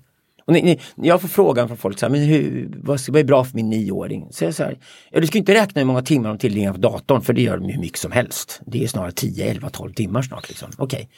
Frågan är vad de gör när de är där. Är det de gör isolerande? Är det passivt? Vi skriver den här boken om interpassivitet. Långt ifrån allt människor gör på nätet är interaktivt. Interaktivt innebär att du är med i processen, påverkar processen. Inte bara tycker om den, du påverkar den process du deltar i. Och aktiviteter du gör på nätet, du bara scrollar och kollar vad andra har för sig. Ja, men du kan lika gärna sitta och stirra på en tv-ruta i sådana fall. Mm. För du är inte med i den processen överhuvudtaget. Du är inte passiv i det läget. Och det här är typiskt då mellan den nya netokratin, den nya överklassen, att den är genuint interaktiv. Den vill inte vara med om inte den får med påverka det den deltar i om inte jag är med och påverkar den här processen, att jag organiskt ingår i processen så jag är inte intresserad av att vara där, för det är för tråkigt för mig då. Det är typiskt interaktivt. Medan det interpassiva är, är ju det här dåligt självförtroende, ska döda lite tid, plockar upp en smartphone, scrollar, tittar lite på alltihopa, vågar inte tycka om någonting överhuvudtaget. Det är så sitter vuxna längst, beter sig. Sitter längst ut i kedjan och bara tar emot budskap hela tiden. Och det är, det är ett underklassbeteende. Det är så vuxna beter sig. Ja, jo ja. Visst gör de det? Barnen spelar ju online-spel med varandra, chattar. Ja, gör de det och gör ungar det grattis. För det, det, det, så fort jag träffar en förälder som har barn, de säger att mina ungar är jättesociala och de är aktiva massa polare och de har nya polare på nät som bor i andra länder och alltid säger grattis, grattis, grattis, det var toppen. Inom en generation så kommer dessutom språkbarriärerna vara borta. Du kan prata om alla människor i hela världen oavsett språk. Och, och det kommer också skapa nya kontakter så du kan bli ännu mer specialiserad i dina intressen. Och hittar du någon som exakt samma nördiga knasiga intressen som du har och ni hittar fem personer till som delar det, då har du den nya familjen. Mm. Den nya subkulturen, då, familjen består av jämnåriga som delar intresset. Och sen kanske ni letar någon som delar ett intresse som går från en annan generation och då ser det pang och drar iväg. Jag har studerat Burning Man väldigt mycket. Det gjorde vi inför den förra boken Syntism, äh, eh, att skapa grynt nätålder. Vi är intresserade av, hittar vi någon miljö där det är en hög koncentration av interaktivitet? Och då tittar vi på det som kallas participatorisk kultur. Som Burning Man till exempel, är det syntistnoden i Stockholm, ett annat exempel på det som växer så det knakar. Och de här miljöerna till människor som är kreativa, väldigt sociala, och älskade att bygga saker tillsammans med andra människor. Och vad man ofta gör med systemen är att man bygger det som man byggde gamla kyrkor och religion. Man tar bort pengar i systemet. Så inte någon sitter och tjänar pengar på det som görs. Utan det skapas ungefär som man bygger en open source plattform på nätet. Mm. Så det bygger open source, det vill säga så här, ja vi har en lokal här, vi, vi lyckas få upp hyran till den om alla pytsar en hundralapp i månaden, det räcker. Okej, okay, de har lokalhyran fixat bra. Det är den enda bas du behöver ha. I den här lokalen träffas människor regelbundet face to face och gör saker tillsammans och bygger grejer. Och sen driver de grejerna och så bygger de nya grejer. Så tar vi ut det här i naturen och så bygger participatoriska festivaler. Vi hittar spännande udda platser, gamla industritomter eller ödsliga konstiga platser i skogen eller vad det vill för någonting. Och där bygger vi de här kulturerna. Och då har vi haft livekulturen i Sverige, vi hade Raven på 90-talet. Så vi har redan människor med vana vid att snabbt sätta upp ett projekt. 2000 personer gör någonting tillsammans i tre dagar så skiljs de åt. Vi är jätteduktiga på det här i Sverige till exempel. Man är jätteduktiga på det i Kalifornien. Så på, på de här ställena i världen, vi ser att kulturen nu kommer fram och blomma, så, så finns det ofta storstad och landsbygd. Det finns ett naturrum och det finns ofta ett rum i storstaden. Och de här rummen bygger på tillit mellan alla som deltar i det här där ingen tjänar pengar på det. Och det är så gamla kyrkor funkar alltid. Det är därför vi pratar om det som ett religiöst fenomen egentligen. Religion börjar alltid med praktik. Sen hittar man på en lära för att fylla mm. den här kyrkan med någonting. Och det vi ser idag är nya religiösa eller andliga praktiker. Och det ser väldigt tydligt inom börnekulturen, det ser väldigt tydligt inom participatoriska kulturen. Det här är också för den framtida vänster intressanta stället att gå in politiskt. Därför att vänstern kommer bygga på open source plattform och så vidare. Folk glömmer ofta bort att Wikipedia är ett marxistiskt projekt. Och ett av de framgångsrikaste projekten i världen de sista 30 åren. Och kanske det som kommer hålla bäst av alla projekten på internet överhuvudtaget som vi har idag. Och de projekten där alla deltar, frivilligt deltar, lägger två timmar någon gång då och då, sitter och fixar till lite grejer och älskar att göra det för vet att alla andra som är där och gör det gör av samma kärlek som man själv har. Och det är så en bra kyrka fungerar. Uh, och sen kanske man har en liten administratör någonstans och får en lön för att någon måste sitta där på heltid. Mm. Men innan det behövs så finns det ingen som tankar pengar. Och redan där har du hittat mening. Och, Alla i systemet får mening för att de är med. Skitsamma hur jag får in hyran. Ja, ja, ja. Där ja, meningen. Ja, ja, jo, men det är därför jag tror på kyrkornas återkomst. Men inte de kyrkor vi har idag. För det är precis som med gamla stora företag. De är trygga. Eller de är sega tunga, feta, trötta kolosser. Det går inte att gå in i Svenska kyrkan på, på en, på, på en eh, eh, högmässa. Alltså, det är så tråkigt, det är så irrelevant så man bara säger, vad fan är det här? Det har ju ingenting med någons liv att göra 2018. Och när unga människor går till kyrkan och tycker så här, jag har aldrig varit i en kyrka, så går till en kyrka på söndagen och så ringer de tillbaka och bara gråter och är förtvivlade över hur fullständigt idiotiskt det här var.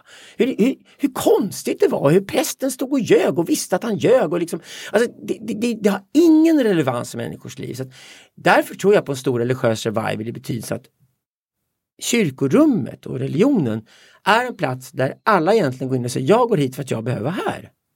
Jag går inte hit för att sälja mig själv och jag går inte hit för att tjäna pengar på någon. Så plockar du bort de två elementen. Glöm sales pitchen och glöm pen pengaflödet i en miljö. Då blir miljön andlig för oss. Och då blir det intressant att vi kan samarbeta och då sätter interaktiviteten igång i det fysiska rummet.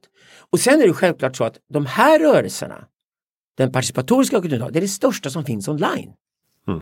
För om du åker till en viss festival i juli varje år och det finns en community runt den festivalen och alla som åker till festivalen med och bygger den och alla med och river den. Det finns inga passiva deltagare, alla är aktiva deltagare.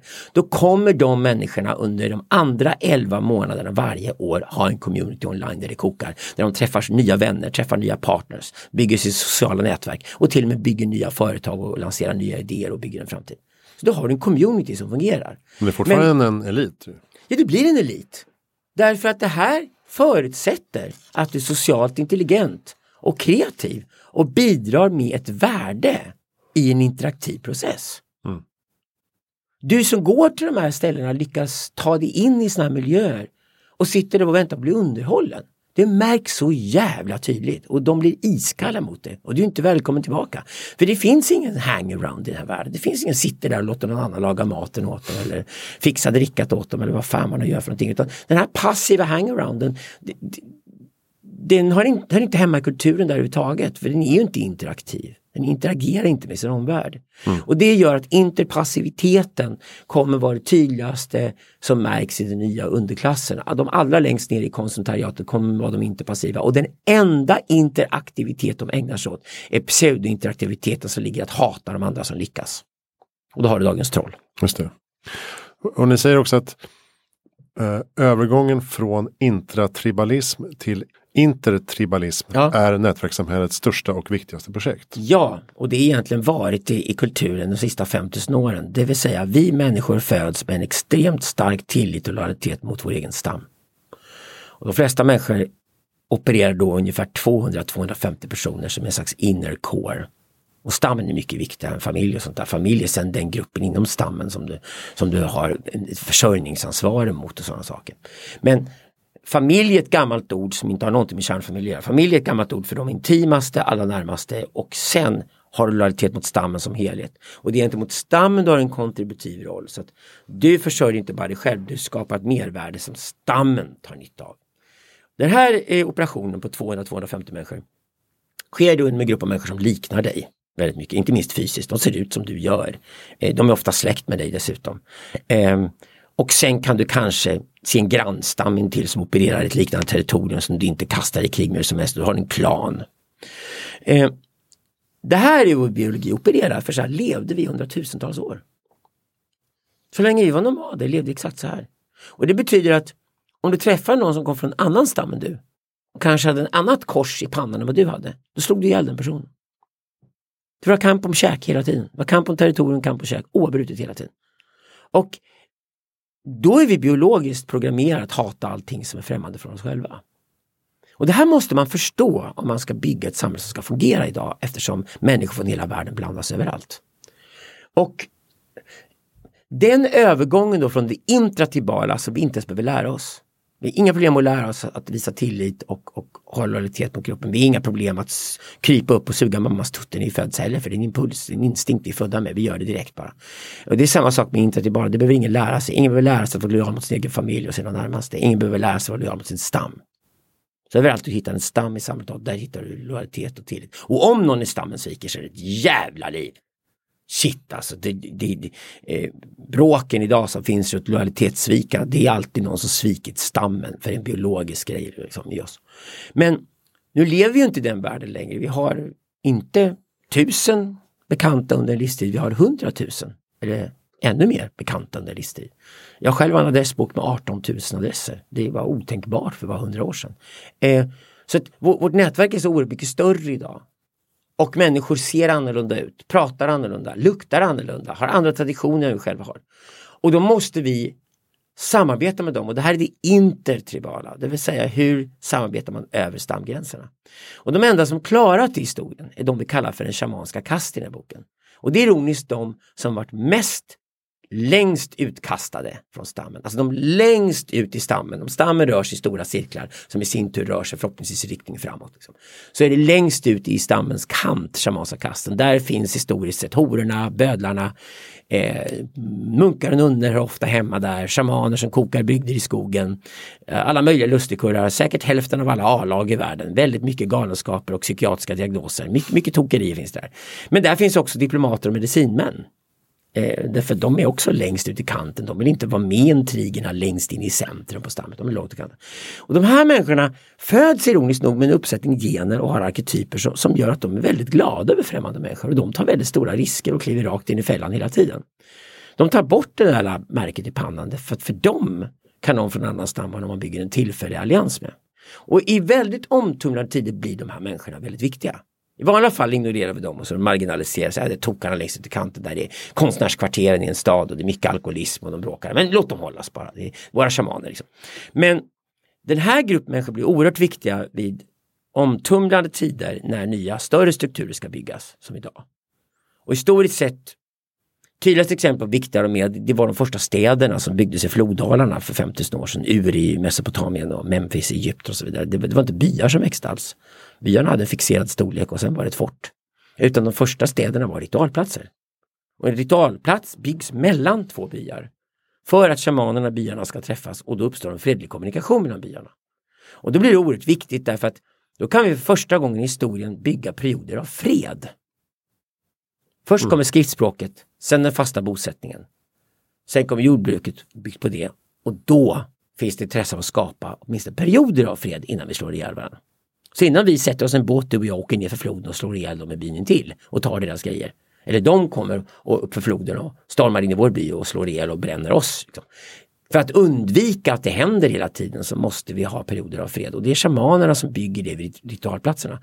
Och här kommer då det briljanta in genom historien som jag och Söderqvist ägnar mycket tid åt och det är att vi tämjer då om jägarna och krigarna till att bli handelsmän. De får tävla symboliskt istället. Eller vi, vi har sport. Idrottsarenor ska ligga nära tempel och kyrkor också. Idrottsarenor hamnar ofta där. Det vill säga byn upp för floden och byn ner för floden möts och symboliskt gör upp i en idrottsarena. Så slipper de slå ihjäl varandra. Så vi flyttar över den här impulsen att slå ihjäl fienden till en fotbollsmatch eller någonting liknande istället. Och, det här har vi gjort genom historien. Så det briljanta med, med kulturen de sista 15 åren, att vi har hittat på symbolhandlingar som gör att den faktiska fysiska handlingen inte behöver ske. Och då har vi fått ner mängden våld i samhället. Vi har ökat handel, ökat förståelse för det främmande och fått en ökad kommunikation mellan dem. Och det absolut bästa exemplet på hur det här kan funka som vi har från historien från det är hamnstäderna. Mm. Och de skrev om redan etokraterna för 20 år sedan att hamnstäderna, den kosmopolitiska miljön och det här är intressanta. När vi i Sverige pratar om integration och pratar om att alla måste bli svenska och bli likadana allihopa. Alltså det är en jäkligt farlig taktik för det är inte alls så fungerande organiska städer funkar. Utan åk till en framgångsrik hamnstad, studera Amsterdams eller Lissabons historia eller Londons historia för den delen och så upptäcker du att i själva verket är segregering en positiv grej. Det vill säga att du har ett Chinatown där, du har de judiska kvarteren där och där bor turkarna och där bor araberna. Och så. Människor söker sig till olika stadsdelar och det får gärna vara koncentrationer och varje stadsdel får sin egen prägel för då bygger du stammarna. Och sen ser du till att mellan de här stadsdelarna så har du kommunikationer som uppmuntrar fredlig kommunikation. Skillnaden är att de inte är isolerade längre utan de är tillsammans men i sina... De får, ja. de får vara tribala men inte tribala. Ja, för 5000 år sedan gick vi nomadstam, mötte vi en annan stam så blir det krig på en gång. Mm. Och nu ska vi försöka samsas med de andra stammarna. Men bygg då stam. Eftersom stam gör det enkelt att orientera sig. Och alla sådana här städer som byggs kosmopolitiskt med segregation det vill säga att man delar upp olika grupper och de bor i olika stadsdelar, de söker sig till olika stadsdelar och visst, vissa stadsdelar är rikare, vissa stadsdelar är fattiga men du har en stadsdel. Om du har en identitet, till exempel en etnisk identitet som har med viss stadsdel att göra, du kommer därifrån, då har du trygghet i det. Och alla människor som blir trygga får självförtroende och vågar anta utmaningar. Och utmaningen i vår tid är att älska främlingen. Hur fan ska jag trycka ner impulsen jag har att jag vill slå den här främmande människan för den, den känns hotfull. Hur ska jag trycka ner den grejen och faktiskt förstå att den personen jag kan samarbeta? Och då har vi ett briljant skifte i historien som sker 15 år sedan. Det är sakta men säkert övergången från kriget till handeln. Eh, och idag är det mer handel som då behövs. vi måste utveckla handel ytterligare. Hur skapar vi fler beroenden av varandra? Och då bygger man algoritmer som har incitament för det. Så tricket att komma ut liksom tuffa språket på internet eller det blev jobbigt i Facebook-tråden eller folk skriker på Twitter. Det är inte att censurera och bannlysa någon alls. Utan det är i sådana fall bygga algoritmer som uppmuntrar människor att bete sig civiliserat. Precis som vi gör med våra barn. Vi uppmuntrar ju barn under barnuppfostran att bete sig civiliserat för, och lär dem att de kommer vinna på det. Och sen kan de räkna ut det själva. Och när en unge lär sig räkna ut att om jag förhåller mig till samhällets spelregler och håller mig inom dem kanske till och med tänjer på dem kreativt och blir populär därför så får jag makt och inflytande över mitt eget liv. Mm. Men hur, hur ser du på liksom det offentliga samtalet? Behöver vi bli öppnare, mer transparenta? Välkomna olika åsikter och Det gör vi redan idag, det heter internet och börjar vi censurera internet och begränsa och det är jag rädd för att de här amerikanska techbolagen försöker göra idag. Då tror jag vi på en väldigt, väldigt farlig väg. Jag ska säga att för mig är den primära politiska kampen i, återigen idag är det fria ordet. Uh, avslutningsvis tänkte du kunna eh, framtidsspana lite grann. Sa ju mina barn, när de födda eh, 9, 11, 16. 2100 slår det mig, kommer ju de vara förhoppningsvis fortfarande vid liv och gilla varandra. Det är liksom mitt mål med livet på något sätt. Vad kommer de vara då? De kommer vara 91, 84 mm. och 89. De kommer leva i en värld med väldigt mycket afrikaner. Ja, mm. jag tänkte, ska vi, kan vi dra lite positiva och negativa aspekter Nej, jag, av den jag världen? Jag säger inte positivt negativt, jag säger att det säkra du kan förutsäga 80 år framåt är bara ännu mer teknologi. Du kommer se massor med AI. Eh, du kommer se AI som är briljant och imponerande. Du kommer se AI som är väldigt dumt. Du kommer se stora AI-system som kollapsar för att AI-ingenjörerna inte ens tänkt på att stora system kollapsar. Eh, det kommer leda till nya katastrofer.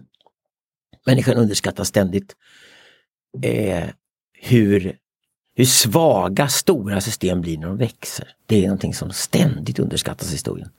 Så att, att stora system kollapsar kommer liksom bli någonting som återkommer som en problematik. tror jag. Um, väldigt avancerad sofistikerad värdekommunikation. Det betyder att egentligen det, du har smartphones eller du har andra redskap, snarare ännu smartare sådana som är ännu lättare att bära med ännu mer datorkraft i som finns omkring dig hela tiden och vet vart du redan är på väg och vet vad du gör. Och du kommer sitta och brottas med liksom existentiella problem som oh, det finns liksom inget kvar av dig som bestämmer någonting Den här, den här agenten, jaget, liksom, kommer ju lösas upp i det här samhället. Men vi, vi kommer bli kroppar väldigt mycket. Eh, inte minst som maskinerna omkring oss inte är kroppar. Så den biologiska intelligensen kommer vi stå för, vi människor, och då kommer vi vara kroppar. Och hur kropparna upplever saker, vad kroppar är på väg, vad kroppar har för drifter, vad kroppar har för begär. Eh, vad kroppar söker för transcendens, vad de söker som är högre än sig själva. Liksom. Eh, det kommer vi ha massor av. Vi kommer veta mycket mer om vår instinkt. Vi kommer ha data på allting. Vi kommer inte längre gissa hur människor fungerar. Vi kommer inte ha långa diskussioner och gräl där det tycks en massa hur människor fungerar. Vi kommer veta hur människor fungerar. Vi kommer veta hur män och kvinnor funkar. Väldigt tydligt. Vi kommer veta hur barn fungerar. Vi kommer veta väldigt mycket om, ha data om Eh, det här är på långsiktigt förmodligen skadligt om man förutsätter vissa saker. Och saker. Så det kommer vi mycket, veta mycket mer om. Vi kommer veta mycket om våra egna gener. Vi kommer förmodligen ha en karta med troliga scenarier för vårt eget liv som bestämmer saker utifrån. Eh, dit är vi snabbt på väg. Dessutom så kommer medicin vara mycket mer inriktad på det mikroskopiska, det vill säga att du släpper in levande robotar som springer omkring i kroppen och gör massor med fantastiska saker. Eh, och ja, det är en högteknologisk värld. Det är en värld med en helt annan demografi idag. Eh, Europa avfolkas. Eh, Östasien slutar också föda barn och avfolkas. Kina kommer en kraftig inbromsning när de slutar ha barn med. De får ha två barn mer och de vill inte ha det. Så kinesiska familjerna krymper i storlek hela tiden. Medan det föds väldigt mycket afrikaner och en hel del indier. Vi kommer se mycket afrikaner och mycket indier i världen. Och jag jobbar mycket i Afrika nu och ett sånt, sånt land som Nigeria är ett framtidsland. För nigerianer kommer inte bara vara i Nigeria, flera hundra miljoner, utan vi kommer ha nigerianer i hela Europa, vi kommer ha nigerianer i USA som kommer bli mäktigare, inflytelserikare, jobba hårt, märkas i samhället. Vi kommer se många framgångsrika människor med svart hudfärg helt enkelt. Det kommer vi garanterat se de närmaste 70 åren. Det är en omställning. Och och ehm, ja, vi kommer inte åka till Mars därför att vi kommer skicka robotar och bakterier dit istället. Tror du? Ja. Människokroppen är usel på att resa i rymden en katastrof. Det är liksom att skicka in en treåring på fotbollsplan i en VM-final. Liksom. Så människan är inte alls funtad för ut i rymden. Det är, strålningen på Mars är problematisk, kylan är problematisk, hettan är problematisk. Det finns ingenting där att göra. Uttråkningen kommer monumental från första människorna som offrar sig åker dit. Alltihopa. Så det kommer inte vara ett attraktivt scenario att åka dit. Och om du sa att du vill åka till Mars för att du ska få ligga mycket, då har, har du ingen att ligga med. För du landar på Mars och kommer förmodligen aldrig därifrån. Så det, varje gång jag hör någon som vill åka till Mars och vara människa och åka dit och säga ja men det är ju bara en äventyrsresa till bland alla andra äventyrsresor. Du kan lika gärna åka till Madagaskar så du åker till ett udda ställe. Eller för guds skull kolonisera Sibirien. Det är varmare, det är mindre strålning än Mars och det finns ingen där. Ta då det i sådana fall. Så att, men resan till Mars är ju bara en dröm om något högre och eh, framåt som vi söker oss mot, det vi kallar den falliska fantasin hela tiden. Och, och den måste ett samhälle ha, den måste drivas mot. Och det är därför Elon Musk är populär. För att många unga killar och en hel del tjejer också dras till den här mytologin om att vi ska åka någonstans och göra någonting storartat och höja oss över där vi är idag, transcendera det vi är idag. Transcendens skriver mycket om den boken, det är viktigt för människan. Så den stora berättelsen måste komma tillbaka och det kommer komma tillbaka i ett sätt där den är trovärdig och den bygger på nätverket, det, liksom det blommande kreativa nätverket som ideal. Det, det kommer driva idéerna de närmaste 70-80 åren. En, en, sak som jag tog med mig från, jag vet inte om det var i Värvet eller Framgångspodden någonting som du var med i. Där du sa att varför är ingen som säger att vi behöver invandring för att vi behöver mer arbetskraft de närmaste hundra åren och ha en plan för det. Mm. Istället för bara Ja, nej, oj, hoppsan. Ja, du menar så. Ja, om invandring. Om det finns en plan som är realistisk och som pekar missionen. Det är som med all politik. Alltså all politik som bara handlar om att rädda nuet, sätta ett plåster på någonting och ta bort något obehagligt. Vilket politiker gör idag. är ju dålig politik för problemen kommer bara tillbaka tio gånger värre för du har inte löst problemet. Du har bara lappat över någonting, slängt lite pengar på och låtsas att det inte finns. Utan det måste ju gå ner och lösa problemet och det gör du bara med att först sätta upp en vision. Men var ska vi då landa någonstans? Alltså, om du målar upp dystopin att vi har ett klimathot och världen kommer gå under på grund av att människan förstör klimatet. Ja, ja, första går ju världen inte under men vi människor kan få ett jävla helvete och vara tvungna att flytta omkring folk runt hela världen och det kommer bli dyrbart och kostsamt och leda till konflikter och massa jävla länder. Ja, det är sant, men det är bara dystopin. Men du löser inte dystopin att måla ut den. Du måste först säga, okej, okay, här är utopin. Här är den värld vi ska leva i, där de problemen inte finns. Den ser ut så här. Och då bygger man den så här. Och då behövs ju lösningar på problemen istället för att springa omkring med liksom demonstrera med moralism och liksom stora plakat. Och en sak kan jag säga då apropå det, det är att AI snackas det mycket om, men så länge jag är tvungen att gå till miljöstuga och slänga mina sopor i olika påsar eller olika lådor, då har AI inte ens börjat hända. För det borde vara det första AI gör. En stor låda, alla sänger allt skräp där, sen sköter maskinerna resten. Det, det är nummer ett som AI ska klara av. För att vi ska få 100% återanvändning. Och inte ligga kvar vid de 50% vi står och stampar idag. Men vi har miljöstugorna fortfarande för att moraltanterna där ute älskar att hålla på. Och ja, för att det känns, det man fylls med mening. Ja, alltså. ja, ja, och jag la plasten i rätt låda idag, vilken god människa jag blev plötsligt. Det är så jävla sunkigt det där. Det har ingenting med att rädda miljön och rädda klimatet att göra överhuvudtaget. Det är bara, det är bara det är där kyrktanterna har tagit vägen idag. Och när kyrktanterna kommer in då vill de bara hålla på och prata om tonalitet och etikett och att lägga saker på rätt plats och saker får inte vara på fel plats för då blir det orent och så vidare. Det är bara nonsens. Eh, så att eh, när miljöstugan ryker och den får gärna ryka snart och elbilarna flyter omkring på våra gator, mer bilar än någonsin men de går på el och är kupéer och är nice att sitta i, då, då har vi framtidens storstad. Vad ser du mest fram emot i framtiden? Jag gillar komplexitet faktiskt. Jag gillar att det blir rörigare. Det finns mer att studera. Det är mer fascinerande. Så att komplexitetsteori älskar jag. Jag älskar biologi idag väldigt mycket. För biologi är mer komplext än vad fysik är. Um, och jag lär mig tänka komplexa system, det vill säga hur kan du göra skattningar i stora system och försöka förstå systemen så gott det går och hur kan du sen hitta rätt data för att fullt ut förstå systemen. Jag är intresserad av system, jag är intresserad av vad som får ett system att lyfta. Jag är intresserad av också vad som korrumperar det. Vad är rost för någonting? Vad är korruption för någonting? När rostar ett system ihop eller när korrumperas ett system och tappar kontakt med verkligheten utanför? Och hur lång tid dröjer det då innan systemet rasar ihop? Eh, så uppgång och fall för system är intresserade av. Vi är intresserade av brister och intresserade av överskott. Vi opererar väldigt mycket efter brister och överskott och det gör naturen också hela tiden. Dialektik mellan brist och överskott, det är som i, den här boken är dialektik mellan libido och mortido. Vår eget interna drama i huvudet mellan de som vill leva och de som bara går dö. Mortido och Liber och kampen de två emellan som finns i varenda människa hela tiden och ambivalensen i det dramat som finns också som attraherar oss. Det, det, det är eh, ironin i att vi lever som mest när vi är nära döden. Mm. Kastar ut din fallskärm eller ännu värre bungyhoppa. Liksom, så märker du med en gång att du lever mer än någonsin just när du tror du ska dö. Det, det, det, det är fascinerande. Det har vi ägnat oss den här boken, det är Yang och Yin i det och sådana saker också.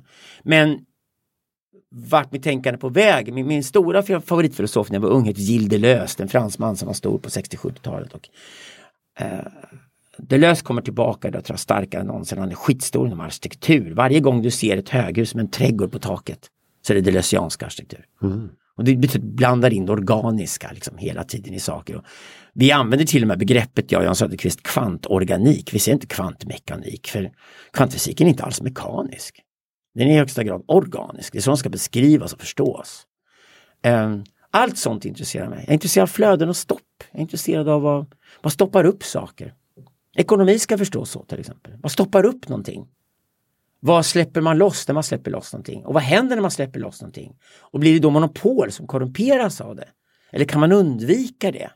Och hur undviker man det i sådana fall? Så att man precis som man, ekonomi ska betrakta ungefär som man tittar på en trädgård.